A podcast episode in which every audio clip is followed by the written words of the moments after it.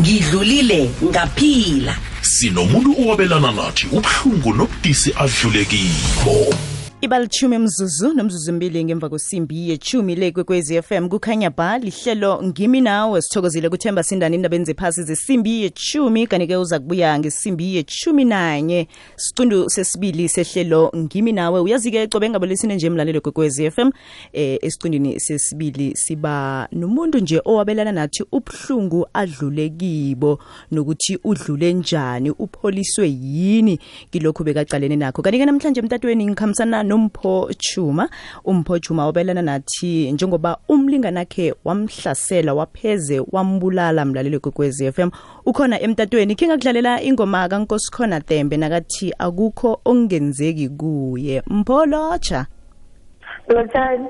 akwande kunjani? Ngiyaphila mama. ngiyathokoza. Ngiyathokoza isikhathi sakho sokuthi uzokhulumisana nathi ehlelweni ngimi nawe kukwekwezi FM Okay, ngiyabonga.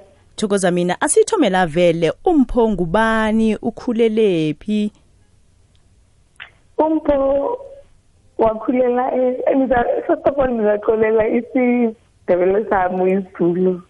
Hayi asiphumi kahle. akunamraro la ngikhona khona. mhm akunamraro Okay. Umpho wakhulela eMamelodi. um umpho umuntu lo akhuluma kakhulu, uthanda abantu, very sensitive, uloud futhi. Ngaqala isikole eJacaranda Express and then siya mina mina nabazali bami samuva to Soshanguve then ngangena elisela Chaba a Christian school. Then nga I continued with my high school at Sport then ngaqedelela ePretoria Hospital School. Umfana ngahlangana naye eMamelodi I was at a friend's place ngahlangana naye. Um I know ukuthi abanye bazisa ukuthi what attracted you. So umfana bengihlangana naye he was a very cold chilled guy. Vele wacela amanamba from there saqala sakhuluma.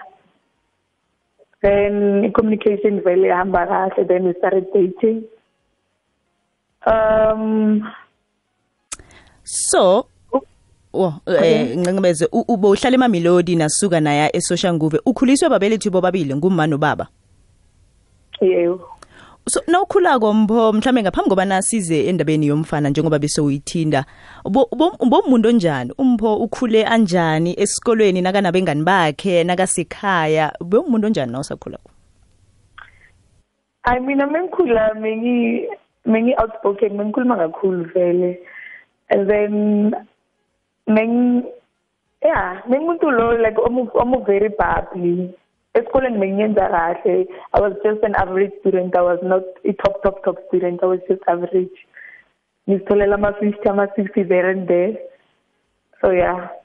So njengoba uthi bo umuntu okhuluma khulu kutsho ukuthi kikho konke bekwenzeka kweyakho impilo mhlambe nakunento ekuthwenyako esikolweni namtshana nje empilweni bobatshela ababelethi bakho bobacocela bobavulela isifuba ngakho konke nje ocalana nakho. Yeah mina umama wami like wang- wangifundisa ngisesemncane ukuthi like whatever like ngi- i'm going through fanele like ngikhulume naye. So uyenza i-relationship yethu at a very young age ukuthi ibe transparent. So yeah mengintshela each and everything that was happening in my life. So uthi i- i- i- i-boyfriend akho beningakatshadi musi benitshadile mhm besingakashadi i-ex boyfriend nahlangana emamelodi ngaphambi kobana nithuthe niye esoshanguve. No ngihlangane naye isikhathi lesa ngihlala after we moved to sosha angithi i have family eh, emamelodi so bengivakashela ifamily yami so ngahlangana naye that side efamilini yami ihlala khona Hmm. nanihlanganako bekumuntu onjani mhlambe nje wathoma siyazi was- wakusoma nathoma nathandana bekumuntu onjani nawuthoma ukumbona Bengumuntu ongakhulumi kakhulu. Yeah. Like mehlele ngegroup nomuntu loyana ukhuluma only when it's necessary. So yeah, mengizohlangana naye he wasn't that talkative.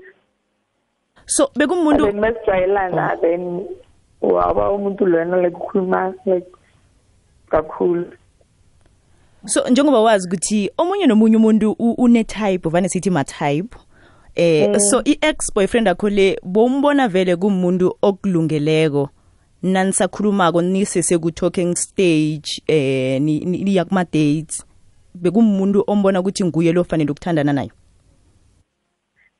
Yeah, I mean, unfortunately, like I'm not like everyone. I type like hi. I, I don't have like a specific type like ngakhomba ukuthi yeah, uyabona lo. Mm. I type yeah, I'm like mina I just learn someone and from there if we get along if we click it's okay. I'm not very specific when it comes to uh, abantu lang badatayo. So yeah, menhlangana naye ukuthi i type yami. so boye e- e- e- em- efemelini emamelodi wahlangana naye nathoma lapho nakhuluma Yes. ukuthoma ubudlelwano ngitsho i-relationship nikuthome mhlawumbe ngemva kwesikhathi esingangani Maybe after three months. Yeah. After three months, baqala sadata. Ukhulumisa ukuthi na usahlangana naye na umbona lapho la nihlangene khona emnyanyeni bekumuntu othulileko ongakhulumiko wathoma ukukhuluma senithandana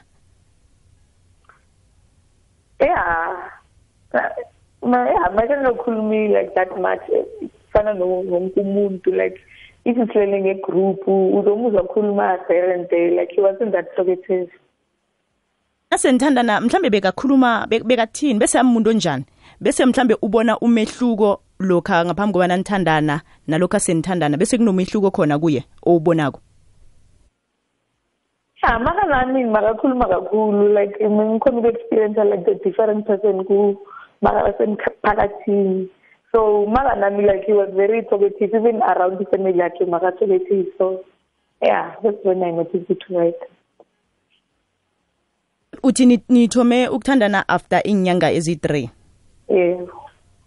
Ni nathandana isikhathi esingangani? Uh, sithandane close to four years. na uhlangana naye mm, bonganamuntu nobabili beni-single. Yeah. manje eh, mpho wathoma nini-ke wakuchugulukela wathoma nini watshentsha kuwe? Ngiziphi nje amasayini oba bowabona kuye engathi mhlambe ayahlorisa? Eh, umfana wangithentshela isikhathi lesana ngizombona alwa nomamakhe egeyitini. So from there ngaqala ukuthi like nga nga nga nga- ngafuna ukungivimba ukuthi makalwa nomamakhe like verbal. So ngimkhuza ukuthi hey mina sange ngakhuliwa so like angeke ngikhulume nomamakho like ngiphambi kwakhe and all that. So azange ngizelela then he was aggressive. Afuna ukulwa noma makhe afuna ukulwa nami. So from there then i picked up ukuthi hayi umuntu lo akekho right like why ungaba upset ngoba umuntu uyakukhuza ukuthi angeke ukhulume nomzali this way so why would you be this mad ukuthi ngiyakukhuza yabona? So from there waqala that, was the first time he actually beat me and then wayenza phambi komamakho nobabakhe ubabakhe wazama ukumvikela but then he, he's very old. Une-sixty or eighty like he's very old. Akakhoni nokuhamba kahle. Wa- wazama Mpho? ukushaya ubabakhe ngesidilo Mpho? Ngam- nga- hello? Eh nqincabeze ukungena emlonyeni ne akhasikhambe siyokuthengisa sokubuye siragele phambili. Ngiba ungibambele njalo. Okay. Mlaleli ikwekwezi fm yenza konke okusemandleni ukukwakha nesitshaba sonke ngokukulethela amahlelo afundisako. Konke lokhu kungaba bulula ngombono nomfakela ovela kuwe ukuthi ikwekwezi fm ingakusebenzela njani ngcono njengomlaleli wayo. Sitholela ngeposomoya ethi info at ikwekwecfm co za namkha enkundleni zethu zokuthintana zomrhatsho ikwekwecfm kukhanya ba. Ngidlulile ngaphila. Sinomuntu owabelana nathi ubuhlungu nobudisi adlule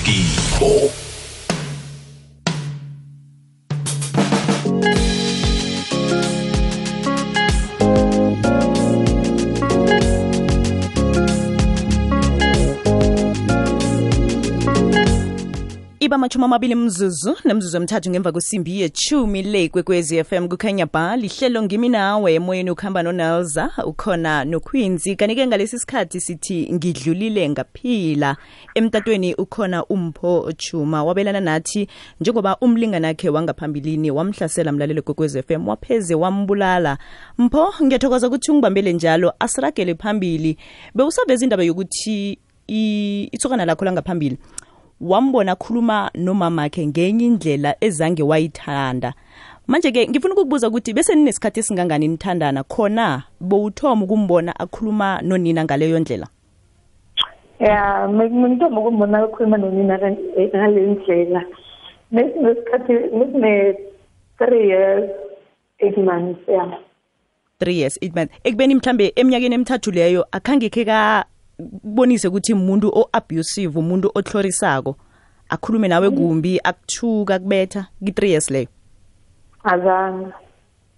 Nokukhuluma nonina bowuthoma ukumbona akhuluma nomamakhe ngaleyo ndlela? Eh bengicela ukumbona akhuluma naye ngale ndlela. Futhi bengimtshela ukuthi like kufanele astop ukuyenza njalo. Makakwata we so ngicela ngibona ama reaction akhe naze we maka actor ngakhona. So I was shocked futhi ngisurprised ukuthi njeni kwenzakalani na. wabona i-reaction ngemva kokuthi umtshele ukuthi angiyithandi indlela okhuluma ngayo nomamakho? Yeah. wareacta njani?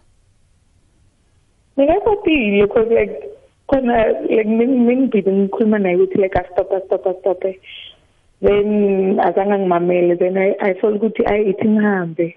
So when I walked away ngihamba vele ngimyekela laphana waza kimi wa- waza kimi agijima wangibamba ngesandla like wangitshela ukuthi ngingahambi mengingahamba la uzongibonisa ukuthi um- yena uyubani so from there ngabona ukuthi hayi something is wrong with this person ngoba mina ngimazi aso and mesibele endlini wa wa vele wa- wazi wangena endlini enkulu. Mina ngahamba naye ngaye erumini. Ngibhizi ngimtshela ukuthi like into leyo yenze umama kho ayikho right and all that but then the more ngimtshela ukuthi what you doing is wrong the more akwata i got frustrated. I think when I remember makaphethe i-court maka makaphuza angazi ukuthi makafuna ukumshaya ngele- ngelelo bhodlela or kanjani but then waliphosa kimi la ngimeza lashaya ikonta la bengihlele khona. Then waza kimi wangitshela the way ukuthi mina angazi ukuthi umama khunjani ngibhizi thatha isayidera mamakhe and all that. Yeah that's what went on. So So- kut- mhlokho mhlazana akhuluma noma uh, nonina ngaleyo ndlela yini bekagwatelene nomamakhe namtshana njani? Bekalwa nomamakhe yini into e- e- yaba ms- kwasuke laphi lokho ukuthi uh, kwabangelwa yini ukuthi akhulume nomamakhe ngaleyo ndlela?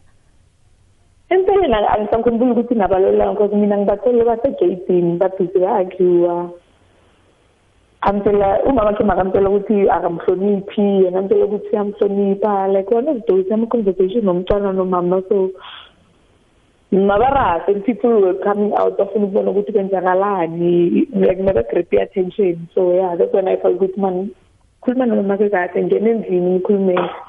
So angikhumbuli ukuthi nginebalolani but mabarase so wathi na umtshelako kula wathoma khona wakwata wakuphakamisela iphimbo nawe njengoba utsho ukuthi wakubethana ngebhodlelo?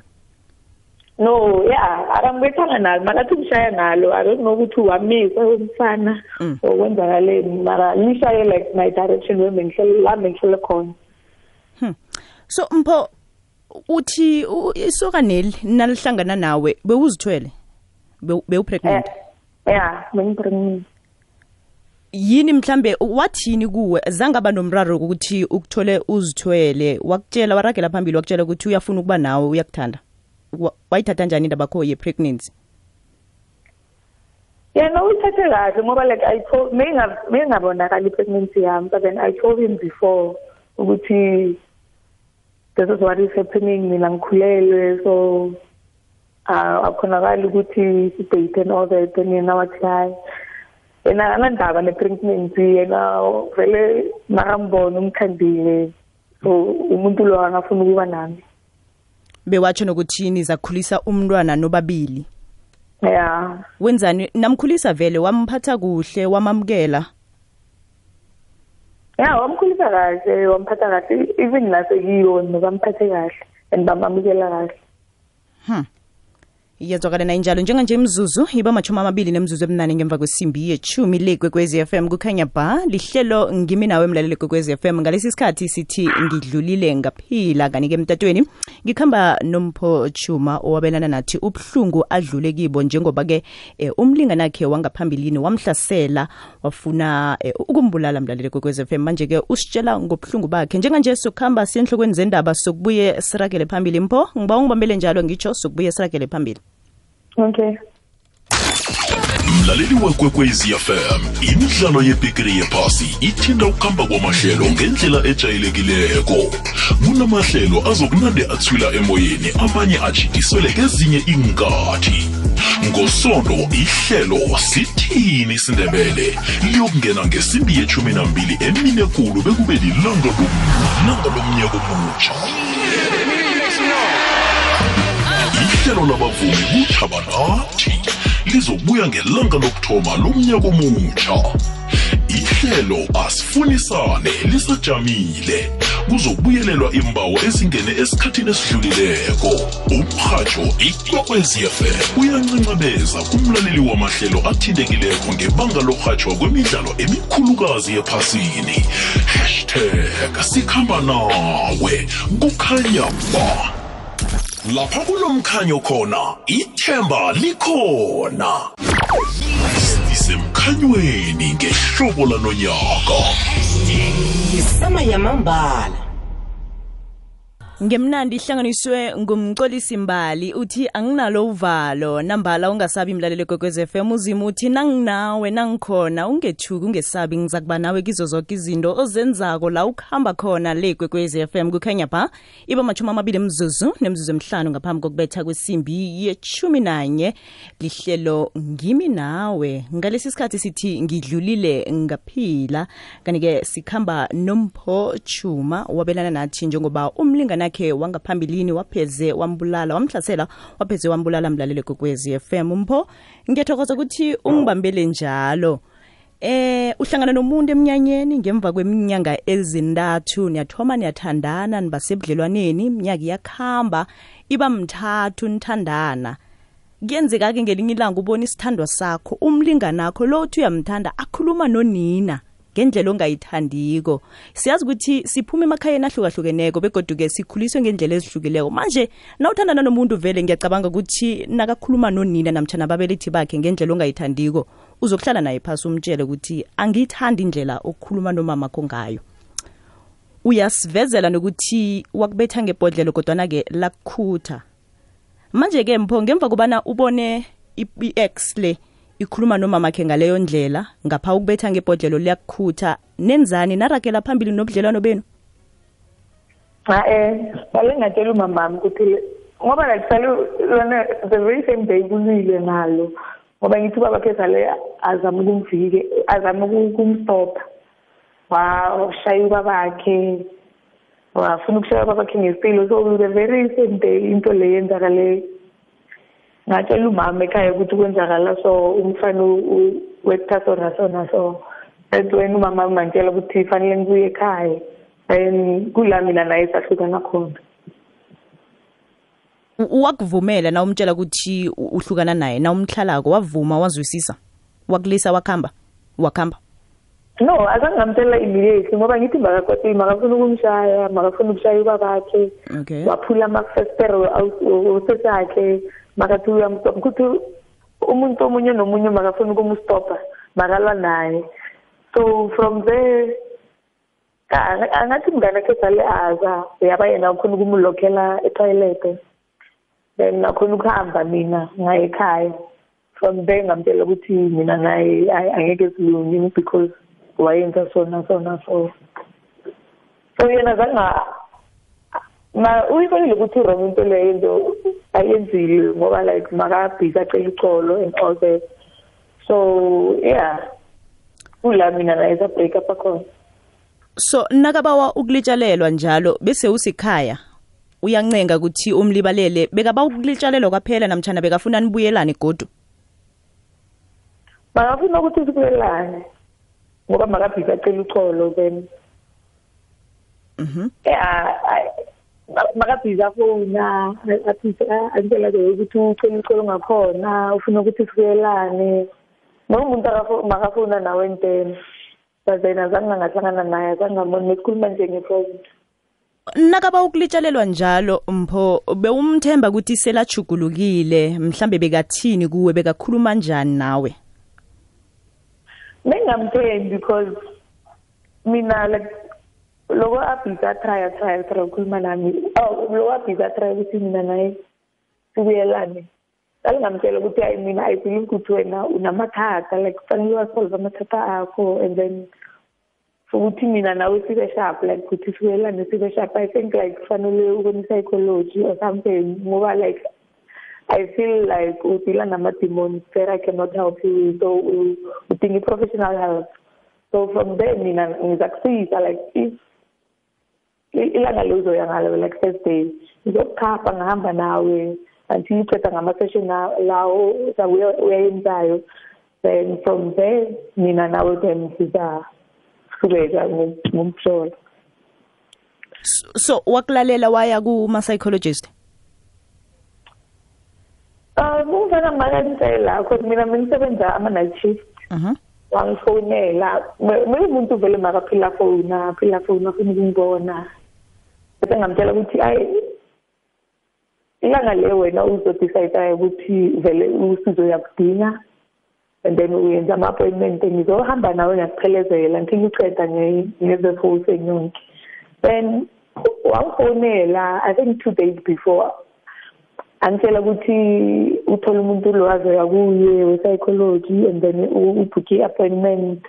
And then mina ngithi ngimthembisile ukuthi ngizohamba naye. So anginiki i-date yes anginiki i-date so from there ngamtshela ukuthi okay mina i don't mind but then ngoba ngisebenza i-night shift ngizathi mengitshayisa ngaza lapho and then sahamba sonke as promised. Ngiba ngibambele njalo mpho siyabuya ngitsho? Okay.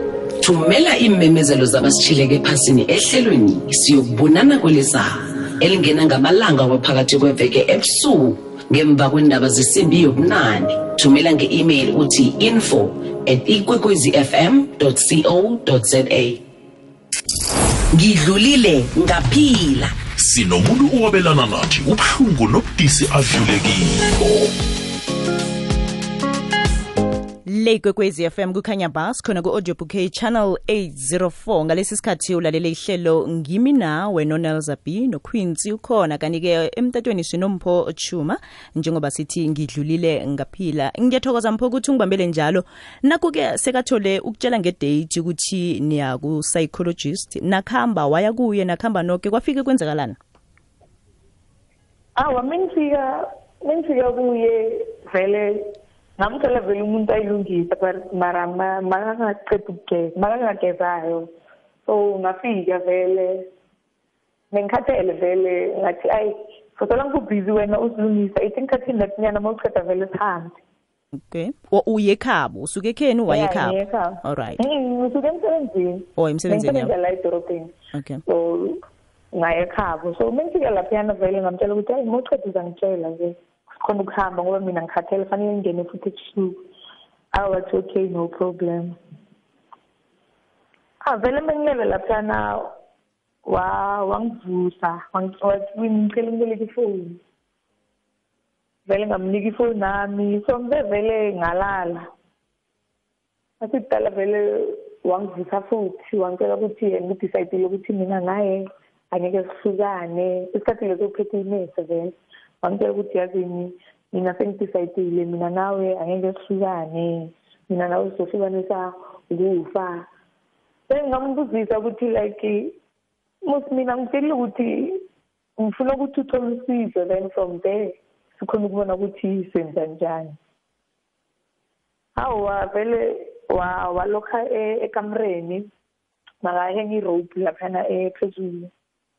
Wangitshela ukuthi fanele ngizi- ngizihenge and then yena uzabona ukuthi uzibuyela njani so mina vele ngayithatha irope leyana i tried to hang myself wangihlisa- wang- wang- wangihlisa lapha eropini wangitshela ukuthi yena uyazodicide ukuthi ngizofaka njani and then wangitshela the way imese leyo azongihlaba emntamweni ngayo.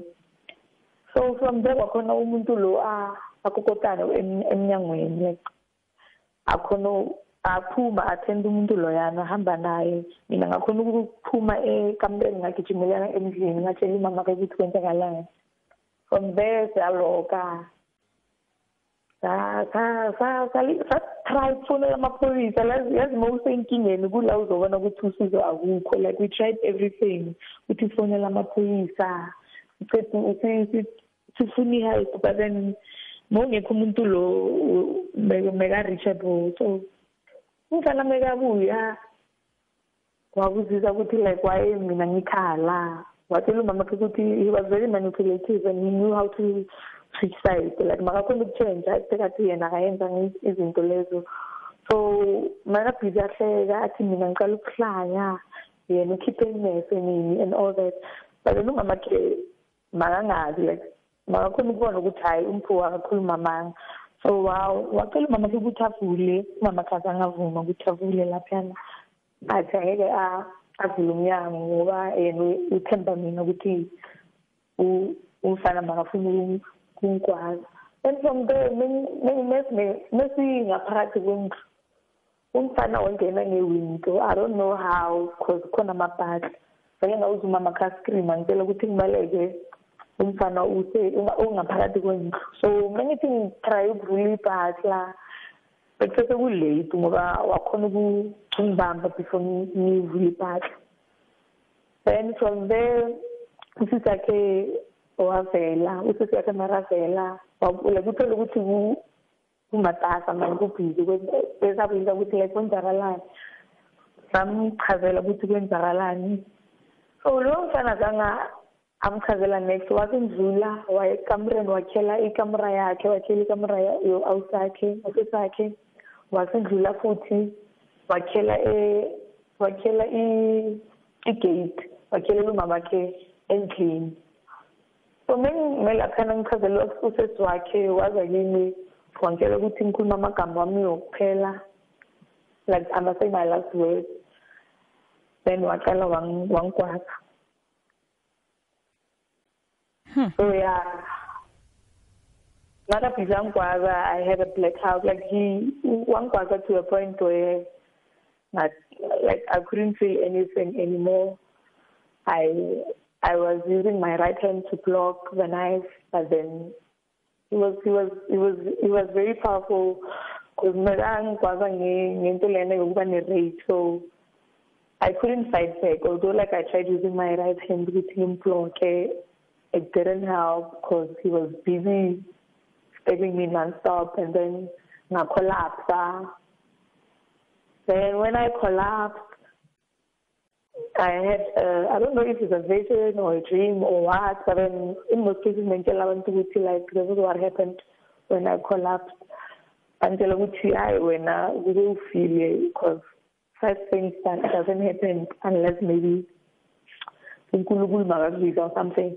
So when I, I collapsed, um ngabona umfazi wakwaziwa ngabona umama ngabona umama uyascreama ngabona usisi ngabona umfana ukwazi umuntu. But then those people i don't know them. The, the lady that's actually being stabbed angimazi. So mengivula amehlo like it felt like a dream on top of a dream. So mengivula amehlo i'm like yo umntwana abantu bani lo bamkwazayo so then when i checked myself ngigcoke all right i'm surprised ukuthi like kwenzakalani ngikuphi manje? Mengibheka phansi there's a motion of water like waves mengibheka phezulu it was more like space. So ngavele i started panicking ngazizwa ukuthi like where am i? Then i dozed off ngaphatha ubuthongo kulelo phupho. When i woke up back to reality mengivuka then I, i could feel i could hear abantu bakhuluma ukuthi hayi uvilameze uyaphila. Started screaming uyaphila. Uyamuva ngingibheka like mengizibheka and i notice ukuthi eh most intombazane le bengiphupha ngayo i am that girl who's been stabbed because i was covered with blood then i had a shock. Ngagijima that's when ngizovuka esibhedlela.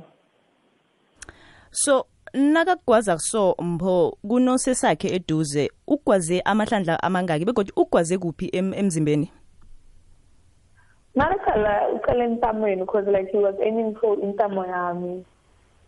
And then from there ngoba bengibhizi ngidaka he was like stabbing me everywhere from my back esandleni because khona la ngiwile khona makangikwaza enyaweni like he stabbed me everywhere and then I even have a scar on my face like echinini so yeah. Eh siya siyancebeza ukuthi udlule ebujameni obufana nalobo mpho into eyenziwa umuntu othi uyamthanda umuntu othi naye uyakuthanda. Umuntu obozitshela ukuthi uzokuvikela umuntu ozo- obozitshela ukuthi uzokusekela entweni ozenzako akuthande nihlale noke siyancancabeza ukuthi udlule ebujameni obufana nalobo. Ngicabanga ukuthi akekho umuntu ekufanele adlule entweni efana naleyo ikakhulukazi umuntu othi uyakuthanda. So nawusuka lapho njengoba ulele phasi uthi wa uzange ubone ukuthi kwenzakaleni bakuthatha bakusu- bakusesibhedlela yeah impilo ke iyabanjani ngemva kwalokho?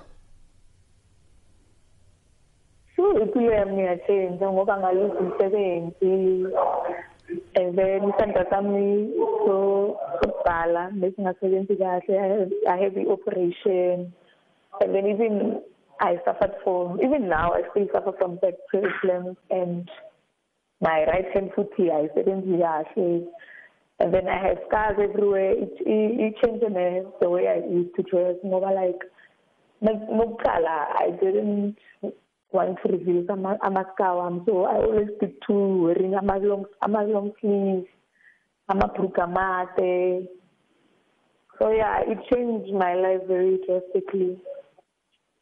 Na- ng- namvulela icala nayombophisa no I don't think ngibophise ngoba like ama- amapholisa makafika laphana okay he mbo? was a scene already. Mbo? azange asimbophise eh. Asikisi asikisi kungena emlonyeni ne khe siyokuthengisa sokubuya siragele phambili. Ibabunane imzuzu ngaphambi kokubetha kwesimbi yeshumi nanye le kwekwezi FM kukhanya ba lihlelo ngimnawe ngalesi sikhathi sithi ngidlulile ngaphila. Mpho ngiyathokoza ukuthi ungibambele njalo. Ukhulumisa indaba yokuthi akhange nimbophise khonokho. Manje-ke ungaragela phambili usitshele nokuthi impilo yakho wayithoma njani godu waragela phambili waphila waphola na? Entweni zonke odlule kizo Um, ukuphola, ukuphola into leyo, enhle ngibe njani? Angeke ngithi sale ngaphola, sale nga-amukela isimo, sale ngaphumela nga, nga I continued with my life, but then ukuphola into le angeke ngithi sale ngaphola. Ngoba into like uh, amasters wami is something that will be there for the rest of my life. And then isandla sami umgogodlo wami ama-pains that i feel more maybe whether i somehow uh, something that will happen until until. So iyakureminder ukuthi like kuthi ube so kwayenzakalani even ama-nightmares i still get those nightmares. So zabe ngikhuluma manga ngithi ngathola ukuphola. Into le ngiyenzile ukuthi ngamukele isimo.